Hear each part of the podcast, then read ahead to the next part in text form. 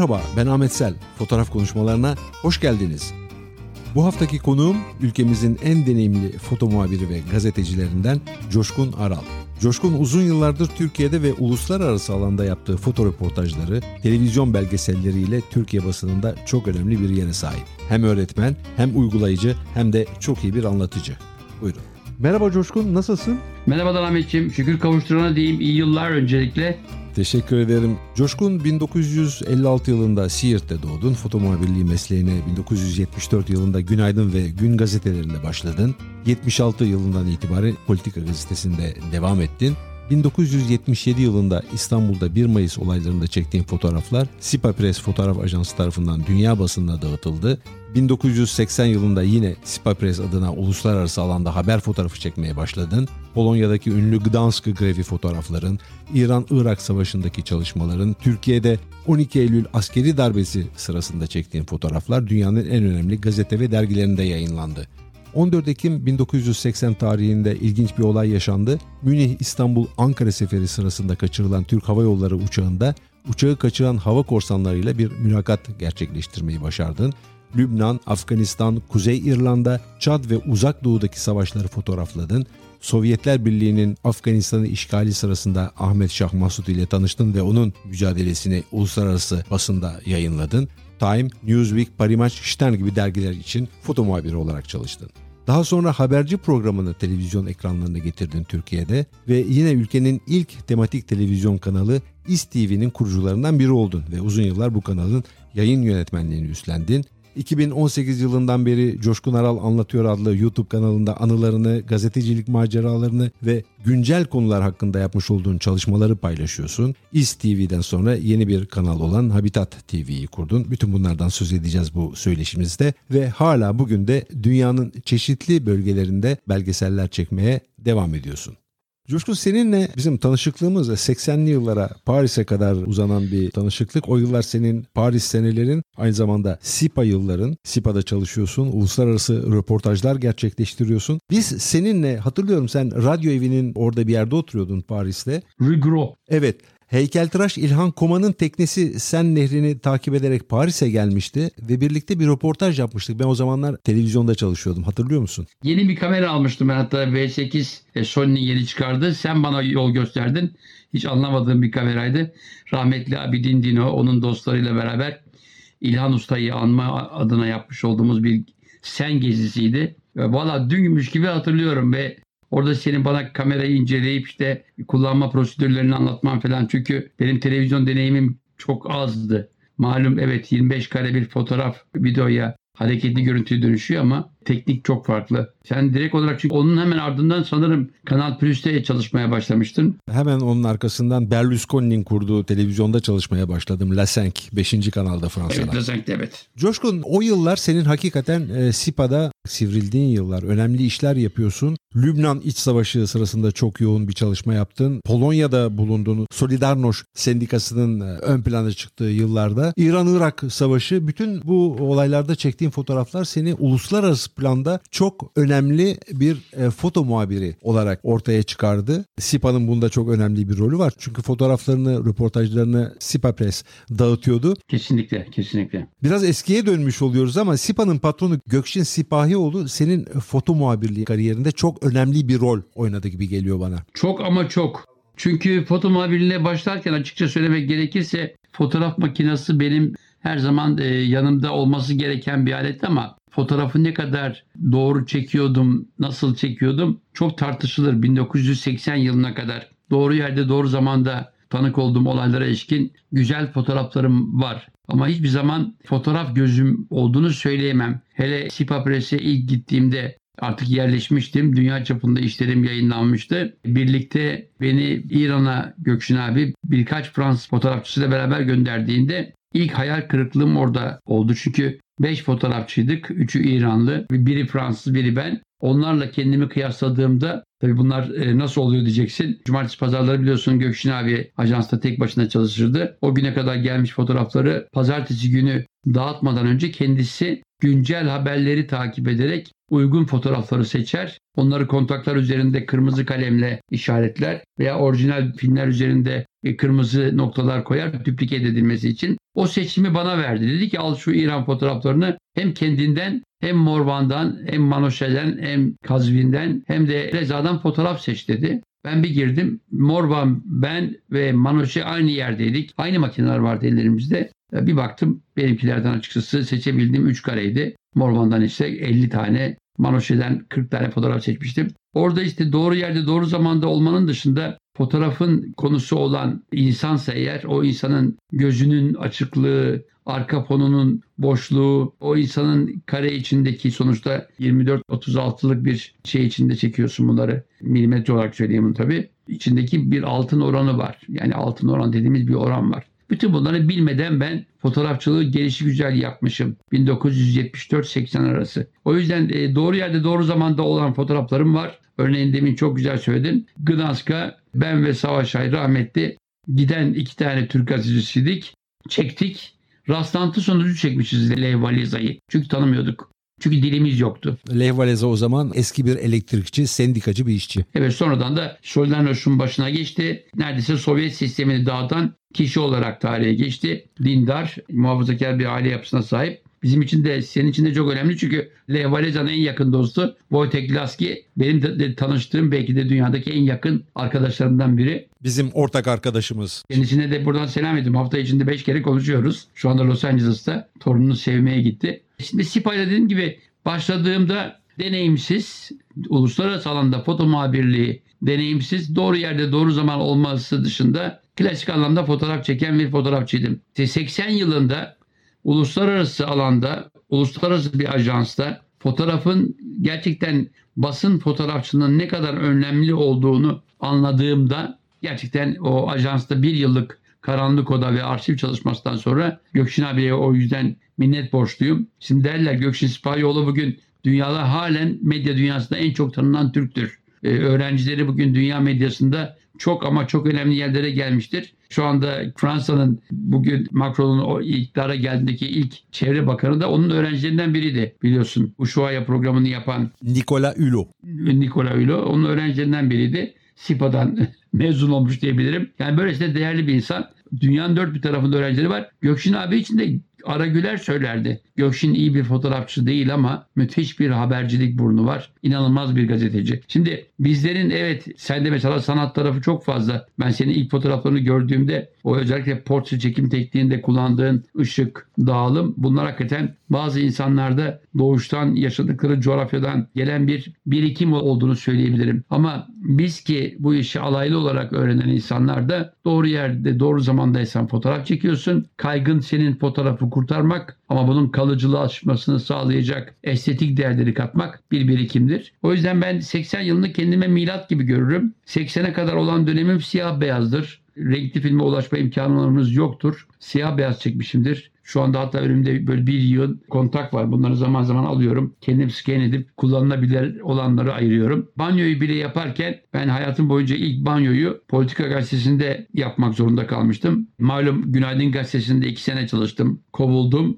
işsiz kaldım. Sonra beni Mehmet Barlas, İsmail Cem'in yanına gönderdi Politika Gazetesi'nde çalışmam için. Politika'ya gittim ama Politika Gazetesi'nde fotoğraf servisi yoktu. Malum o zamanlar sayfalar filmlere çekilirdi karton üzerinden aktarıldıktan sonra. O film banyosu yani gazetenin film banyosunda fotoğraf filmini yıkamak zorunda kaldım. Çektiğim fotoğrafı da sana söylersem eğer belki kızarsın bile bana nasıl yaptın böyle bir şey diye. Mehmet Ali Ağcan'ın elinde bir muşta bir bıçakla iktisat fakültesini bastığı anın fotoğraflarıydı bunlar. Ama o fotoğraflar film yani sayfa filmi banyosunda kömürleşti. Siyanürle temizlemeye kalktığımda emisyon kalktı. Velhasıl ben kendi fotoğraflarımı katlettim. Şimdi Türkiye'de fotoğrafçılığın tarihçesini bugüne kadar çok güzel çalışmalar yaptığını biliyorum. Çok değerli kardeşlerimiz de benim şu anda konuk olduğum bu program benzerlerini yaptın ama bizim ele aldığımız dönemde bu mesleği basın fotoğrafında çok açık söylüyorum. Sayfa sekreterlerinin tamamen inisiyatifine kalmış bir meslek gibiydi. Yani hiçbir gazetede bir fotoğraf editörü yoktu. Yoktu yani böyle bir şey. O sayfa sekreterleri de Talat'ın kahvesinde oyun oynamak için sayfanın planlarını önceden yaparlar. Bazı yerlerde iki boşluk bırakırlar. Oraya bir fotoğraf. O yüzden yani fotoğrafın iyi çekilip çekilmediğini ertesi gün e, biraz ertesi gün yazı işleri müdürünün insafıyla görebiliyorduk sayfada yer varsa diye. Tabii ki çok müthiş fotoğrafçılar, foto muhabirleri geldi geçti Türkiye'den. Ama baktığımız zaman mesela bir Kadir Can, olağanüstü gözü olan bir foto muhabir abimiz. Firuzan Top Sümerler, Gündüz Serden geçtiler. E bunlara baktığın zaman mesela Ergin abi foto muhabirleri benim gibi. Yani Ergin abinin müthiş doğru yerde doğru zamanda olduğunda çektiği fotoğrafları var ama şimdi bir Kadir Can'la kıyaslayamıyorum inanılmaz gözü olan bir insan. Şimdi bütün bunların değerlendirmesini yapan bir sistem yok. Sen de ben de biliriz ki bugün Le Monde gibi fotoğrafı yıllar sonra kullanma kararı aldığında Le Monde servis şefi Filippo oldu. Bizim Michel Filippo oldu. Evet. Biliyorsun çünkü Le Monde normalde fotoğraf kullanmayan hatta rahmetli abi Dendino'nun çizgilerini neredeyse her ay bir iki tane haberinde özellikle Le Monde diplomatikte kullanan bir gazeteyken öğleden sonralar çıkan bir gazeteyken onlar da fotoğrafa girdiler ama bir editoryal destekle girdiler. Ben işte o 1980'den itibaren başlayan Dolce Vita diye tanımladığım işte bir taraftan Türkiye'de de askeri darbe, hemen ardından yaşadığım kaçırılan uçak olayım, hemen ardından yaşadığım Kuzey İrlanda, Belfast olayları, Lübnan, Afganistan, Çad, bütün bunlar beni bir yerlere e, ulaştırdığında foto muhabirliğinde o gittiğim, ziyaret ettiğim fotoğraf dergilerinin, haber dergilerinin haber editörü kadar değerli fotoğraf editörlerini hatırlıyorum ben yani. Belki hayatları boyunca fotoğraf çekmemişler ama bir fotoğrafın büyütüleceği, sayfaya uyarlanacağı şeyi kafalarında tasarlayan mesleklerdi. Bizde neye yoktu? İhtiyaç yoktu. Çünkü Türkiye bir defa e, halen e, şu dönemde bile foto muhabirleri meslek olarak e, gören bir anlayış yok. Yani bugün sabahleyin ilginçtir Fox TV'ye sağ olsun İsmail güzel haberler yapıyor. Çalar saat yapıyor. Şeyden bahsediyor işte katkıda bulunanlardan bahsediyor. Foto muhabirlerinden bahsetmiyor. Uyarı gönderdim inşallah yarın sabahleyin bahseder. Çok şey değişiyor ama yeni kuşak artık bizim gibi değil. Çok da farklı bakıyorlar olaya. Bunu bir meslek gibi görüyorlar. Foto muhabirliği mesleği vardı ve hep var olacaktır. Sen hakikaten foto muhabirliği mesleğinin olumlu bir evrim içinde olduğunu düşünüyor musun? Neler değişti senin e, aktif olarak çalıştığın döneme göre bugün baktığın zaman? Olumsuz anlamda fotoğrafın kullanımı alanı azaldı. O doğru. Ama olumluluk alanında baktığımda yani bir Bülent Kılıçları gördüğümde Muratları inanılmaz foto muhabirleri var şu anda. Hem doğru yerde doğru zamanda hem de bu işi yaptıklarında fotoğrafa hakkını verecek teknik malzemeyi doğru kullanan insanlar. Tabii ben çok da kendimizi böyle şey yapmak istemiyorum. Geçmişte foto muhabirleri zengin mesleğiydi. Yani benim tanıdığım en yoksul foto muhabiri Joseph Kudelka'ydı. Magnum'da çalıştığı dönemde bile uyku tulumunda yatıyordu. Çünkü malum Magnum çok elit bir ajanstı ama Kudelka'nın fotoğrafları pek para, para getirmediği için gariban Joseph ajansın gelişinde bir yerde bir matla üzerinde yatıyordu. Baktığın zaman yani bunu biz Ala Güler Usta'yla da çok konuşmuştuk. Türkiye'deki bütün foto muhabirleri filmlerini alacak, dünyanın değişik ülkelerinden makine veya teknik ekipmanlarını yenileyecek nitelikte varlıklı insanlardı. E ben yani 15-16 yaşımda fotoğraf makinesi sahibi olduğumda bir Lubitel'di ilk ulaşabildiğim makine. Zenit hayalleriyle yaşıyordum. Hatta bir Zenit'in arkadaşımın alıp önüne kendim bir parasole yapıp bir gün iki gün havalar atmaya kalkmıştım. Yani kendime ait olmayan bir makinenin önüne bile koyduğum bir parasoleyle bir teleobjektif hissiyatına kavuşmak için. Yani o yüzden yani kendimizi fazla suçlamayalım ama ülkemiz yoksul bir ülke. Bu yoksul ülkede bir e, kurumda çalışmak avantaj. Ama ben işte Günaydın Gazetesi'nde çalıştığımda boyumun ölçüsünü aldım. Onu izleyen bütün yıllarda hiçbir yerde kadrolu çalışmadım. Hep freelance'tim. Gideceğim bölgeyi kendim seçer. Masrafını kendim karşılar. Filmimi kendim alırdım. E tabii ki alacağım filmin de renkli olması biraz imkansız gibiydi. O da şu anda sağ olsun Ergin Konuksever'in bize vermiş olduğu, bana da Savaş Ay'a da verdi. E, yarım da olsa renkte ektakromlardı. Yani yokluk içinde başlayınca gerçekten ben işte iyi çok fotoğraf çekmek lazım iyi fotoğrafçı olmak için. E, o da ulaşılabilir olması lazım kullanacağın teknoloji. Diyeceksin ki bizden daha yoksul ülkeler Doğu blokunda niye daha avantajlı Doğu blokunun fotoğrafçıları? Çünkü onlarda hani baktığın zaman sanat her zaman için teşvik edilen bir alan. Görsel sanatlar her zaman teşvik edilmiş alanlar. Bir de kimsenin umurunda değildi. Ben 1978'lerde bitiremediğim bir işletme yüksek okulu vardı. Ayrılmaya karar verdim. Çünkü hiç anlamadım ben işletmeden, ekonomiden. Güzel Sanatlar Akademisi'ne girip fotoğraf dersi alayım dedim. E, haftada bir gün ders vardı sadece güzel sanatlarda. Yani daha Türkiye'de fotoğraf eğitimi veren yer yoktu. Gazetecilik yüksek okulu vardı ama fotoğraf dersi yoktu o okulda. O yüzden şu andakiler durumlarıyla çok çok iyiler. Uluslararası alanda çok tanınırlar. Her e, türlü o imkanlara sahip olabiliyorlar. Ama maalesef tabii ki gazetelerde fotoğrafın yeri azaldı. Çünkü gazeteler azaldı. Şimdi düşünebiliyor musun? Geçmişte bir gazete veya bir dergi çıkıncaya kadar ki evre bir foto muhabiri için adeta doğum sancısını çektiği bir süreç gibiydi. Şimdi çektiğini görüyor, görüyorsun. Ben öylesine fotoğraflar çektim ki bir yıl sonra, sonra ancak yayınlanmış halini dergilerde, küpürlerde gördüm. Bir yıl sonra Afganistan'da olsun, Lübnan'da olsun. Onları görürken aldığım haz, aldığım keyfi anlatamam. Ama şu anda çekiyorsun bir dakika kaç dakika sonra işte sosyal paylaşım sitelerinde insanlar çektiğin fotoğrafla ilgili konuşuyorlar. E, teknoloji olarak da çok imkan var. Yani basit bir fotoğraf çantamı söyleyeyim. Domke bezden yapılan bir çanta. Yanında iki tane F2 makine ve hatta işte daha sonraki dönemlerde 801 oldu. İki tane motorlu makine. F2 döneminde her,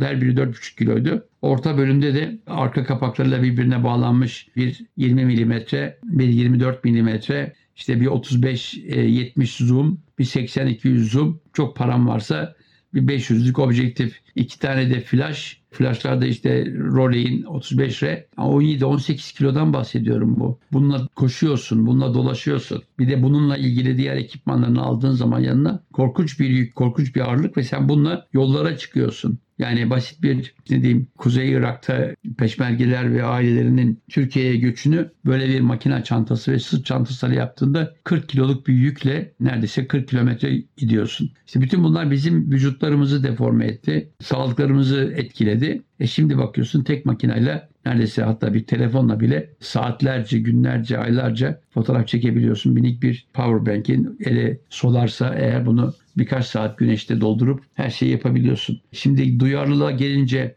geçmişte bizim böyle bir fotoğrafı çekmek için 160 asa film alacaksın gece karanlığında kullanmak üzere. Onu 640'a push edeceksin. Bunu yazacaksın filmin üzerine. Laboratuvarda olacak ama grenler bakla gibi maşallah. E şimdi 100 bin asalardan bahsediyoruz. Yani minicik bir mum ışığının 100 metreden neredeyse bir binayı aydınlatabileceği, arkada da yıldız pozlamayla gökyüzündeki bütün samanyolunu dehşet şekilde göreceğin fotoğraf çekme imkanı var. Bir telefonla üstelik. O yüzden teknoloji gelişti. Güzel fotoğraf çekmek daha kolay oldu. Ama doğru yerde, doğru zamanda her zaman için foto muhabirinin olmazsa olmazı. Bir de şu var tabii Coşkun üretilen fotoğrafların ajansa ya da bu fotoğrafları yayınlayacak olan dergiye gazeteye ulaştırılması sorunu var. Bizim zamanımızda seyahat edecek bir insan bulmaya çalışırdık. Havalarına giderdik uçağa binecek birisine. Ben sana 3 tane olay anlatayım mı birbirinden farklı olay? Tabii tabii yani ulaştırması da bunları çok ciddi bir problemdi. Bunlardan en korkuncunu anlatayım sana. En korkuncu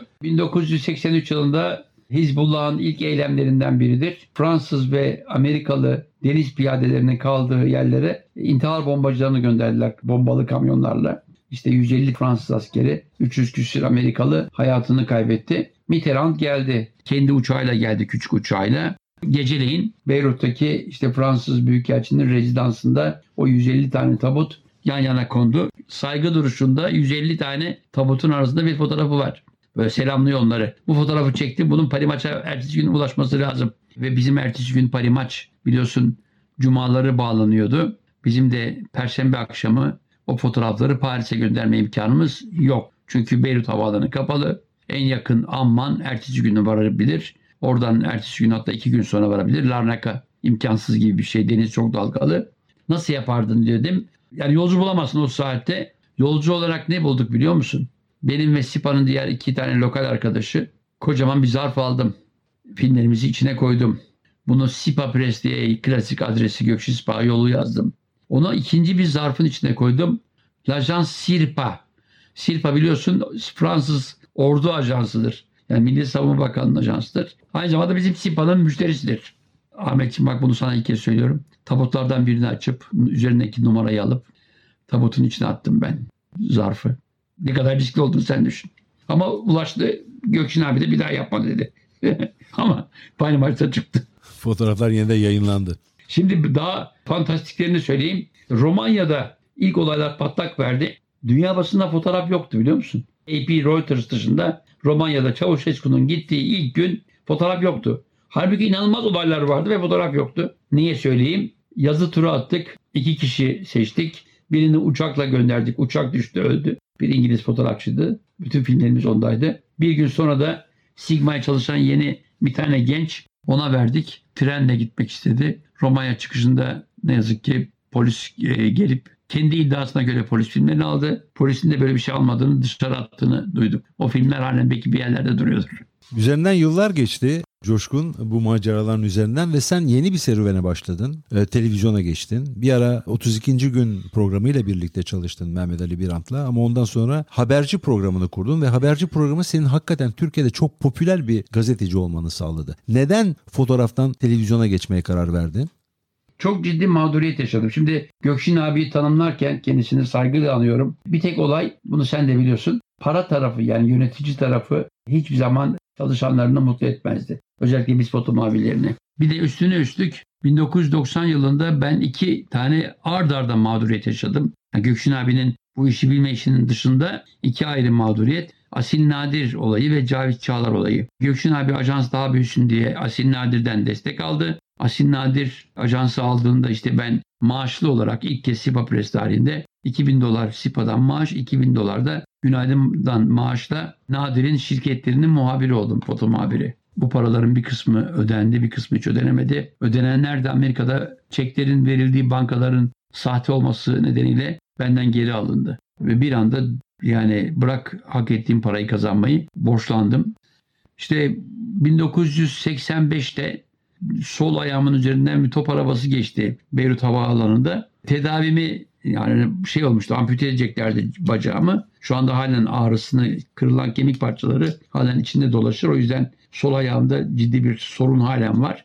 E, ameliyat değil fizik tedaviyle ancak düzelebileceğini söylemişlerdi. O fizik tedavimin bedelini Time dergisi Time'a çalıştığım için ödedi. Ve bu para bir yıl sonra benim Fransa'daki banka hesabıma geldi. Ben tabii bunu harcanmış fizik tedavisi parası olduğu için ve Fransa'da hiçbir zerre kadar yük olmadan yaptım ama birdenbire böyle bir şey dediler. Yani bu gelen parayı niye deklare etmedin? Bunu benim masrafım dedim de Fransa'ya girer her para deklare edilmek zorundadır. Vergisini vermek zorundasın gibi bir maliyeden ceza yedim. Ardından bu Asil Nadir'le olan mağduriyetim ve Gökşin abinin çaresizliği birdenbire yani Paris'te ne kadar zor yaşandığını sen biliyorsun. Sipa el değiştirdi. Asil Nadir'den sonra Cavit Çağlar geldi ve onlardan çok absürt teklifler geldi bana. Cavit Çağlar döneminde. Ajans birdenbire garip oldu. 93 yılında işte o hem maliyenin getirdiği bir takım ödeme zorunluluklarım onlara ödedim ama hiç param kalmadı. Bir anda karar verdim ve döndüm. Cavit Çağlar'ın neydi sana yaptığı absürt öneriler? Cavit Çağlar bizzat değil. O geldiğinde ajansta bir takım tipler belirdi. Bunlar şu anda da olabiliyor belki biliyorsun. Orta Asya'da ofis açıp SIPA adına neredeyse istihbarat birimleri oluşturmak için teklifte bulundular. Çok büyük bir maaş. Beni şey gibi kullanmak istedi. Sen oraya git. SIPA'nın ofisinin başında dur. Ofislerin sayısını arttıralım. Orta Asya'da bürolar olsun. Çünkü bunu şey zamanda da yapmak istediler. E, belki duymuşsundur ve SIPA'ya ilişkin bir takım söylentiler çıkardı hep. Çok rahatsız edici boyutta. Bunu Cavit Çağlar zamanında açı aleni yapmak istediler yani. Ondan sonra zaten Gökşin abi dayanamadı. Ajans tamamen elinden çıktı işte orası satmak istedi. Yani Türkiye SIPA gibi bir oluşumu gerçek bir dünya medyası bir unsur olarak kullanmak istemedi. Tam aksine abuk subuk işlerde kullanmaya kalktılar. Gerçekten çok saygın bir ajanstı ve halen saygınlığının izlerini her yerde görüyoruz. Birdenbire soğudum ve bir günde karar verdim İstanbul'a döndüm. Savaş Ay bana teklifte bulundu. Gel A takımında işte röportaj yap diye. Onunla da yollarımız ayrıldı çünkü ben gelir gelmez işte Azerbaycan'da olaylar vardı. Oraya gittim. Dağlık Karabağ Savaşı vardı. Savaş kameraman vermedi. Kendim çektim. Kendim yani minik bir kamerayla 90'lı yıllar Dağlık Karabağ Savaşı. Bosna'ya gittim yine kendim. Kameraman vermedi. Ama Ruanda'ya işte 93 yılında gittiğimde dünya çapında bir iş yaptık. Yani James Natchway, ben Gökhan kameramanım, Luc Delay. Ruanda'da tek televizyon ekibiydik biz. Tek televizyon ekibi. Ruanda'da, Kigali'de o dönemde. Döndüğümde savaş birdenbire şey gibi oldu. Yani bir ipte iki cambaz olmaz. Sen artık boş ver böyle gitmeyi. Maaşını artırayım. Yanımda dur dedi. O günlerde de hatta senle bağlantıya geçmiştim. Dudayev bizi çağırdı. Türkiye'den bir grup gazeteciyi. Çeçenistan Cumhurbaşkanı o dönemde. Evet. Beni göndermek istemedi Savaş. Hatta şu anda beni YouTube'a sokan Timur Akkurt benim o zamanlar kameraman arkadaşımdı. Timur'dan kamerayı aldı. E, savaştan da ayrıldım. Bir yıl kadar işsiz kaldım. O süre içinde dünyada eşi benzeri olmayan ama bizden sonra olan bir foto muhabiri bir kameramanla bir yerlere gitsin. Fotoğraf röportajı yapılırken anlatsın, konuşsun tarzında bir format oluşturduk. İşte haberci programı bu oldu. Çok tuttu ama işte 2000 yılında işte meşhur ATV'nin el konmasıyla o da bitti. Sonra işte 2 yıl sonra 3 yıl sonra TRT'de tekrar başladım. TRT tabii tarzı değiştirdi. Türkiye yönelik oldu. Benim için Türkiye bir avantajdı. Türkiye'yi keşfettim uzun bir aradan sonra. TRT'de haberci programını yaparken haberci programını birlikte yaptığım arkadaşlarımdan bir kanal kurma teklifi geldi. Dijitürk bünyesinde. İş kurduk. Her şeyi yani logosuna varıncaya kadar her şeyi yaptık. O da 10 küsür sene çok başarılı oldu. Ama bir gün Cavit Çağlar'ın cezalandırılması ile sonuçlanan bir kayyum operasyonunda yine mağduriyet bize geldi. Bizim kanalın başına işte bir takım bir ajans bir de bir kayyum atandı. Onlar da bütçelerimizi aldılar. Sonradan kanal yavaş yavaş Beyin grubuna geçti. Katar'da zaten Beyin grubuyla Dijitürk alma nedenini başında açıklamıştı. 2022 Dünya Kupası amacıyla altyapısı nedeniyle alınan bir kanaldı. Fazla bütçeleri olmadığını söylediler. Onlar da kibarca sizle çalışmak istemiyoruzdan ziyade bütün projelerimizi reddedip uzaklaştırdılar. Habitat TV kurduk şimdi. Sağ olsun Fatih Aslan Aragüler'in 20 yıllık yakın arkadaşı, dostu, yardımcısı. Onun da ortaklığıyla Habitat TV kurduk. Şu anda çok şükür gidiyoruz. TV Bu'da varız. Daha önce Uydu'da da vardık ama Uydu bedeli ne yazık ki çok yüklü. Yani ayda 21 bin dolar gibi bir rakam. Henüz o kadar reklam alma durumuna gelemediğimiz için sadece şu anda TV Bu ve YouTube'dayız. Bize verilen reklamın saniye bedeliyle aynı reklamı hiçbir insana hiçbir şey katmayacak kadın programlarını arasında farkı söyleyeyim sana bin misli. Yani sana 2 lira veriyor, ona 2000 veriyor. Yani aldığımız reklamda ne yazık ki döndüremiyoruz. Üstelik biz çalışanlar kanaldan bir tek kuruş para almıyoruz. Coşkun toparlarsak fotoğraf konuşmaları sohbetimizi seninle eğer gençlik yıllarına dönebilseydin ve yeniden bir kariyer inşa etmeyi düşünseydin yine fotoğrafçı olur muydun? Eğitimini alır. İyi bir İngilizce, çok iyi bir İngilizceyle çok şey yapacağıma inanıyordum. Çünkü bizim foto muhabirliği, biz fotoğrafçı değiliz. Biz muhabiriz, sen de ben de. Yani ustamız Gökşin Sipahiyoğlu. Aragüler der diye ben foto muhabiriyim.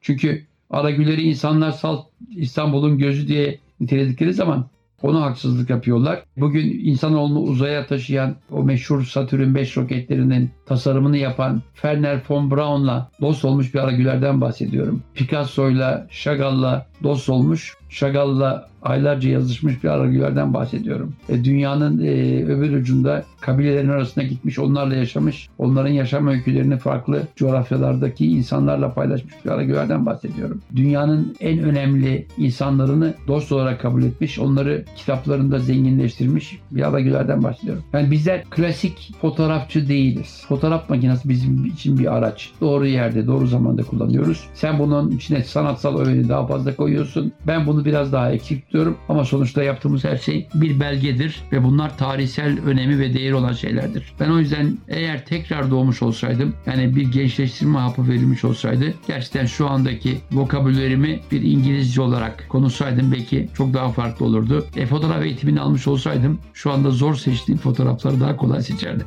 Coşkun bu keyifli söyleşiye katıldığın için teşekkür ederim. Ben de davetin için çok teşekkür ederim Ahmet. İnşallah farklı etkinlikleri yine birlikte yapacağız. Umarım görüşmek üzere Coşkun. Sağlıcakla kalın. İyi yıllar. İyi yıllar sana. Bugünkü konuğum Türkiye'nin en deneyimli foto muhabiri, gazeteci ve televizyoncularından Coşkun Aral'dı.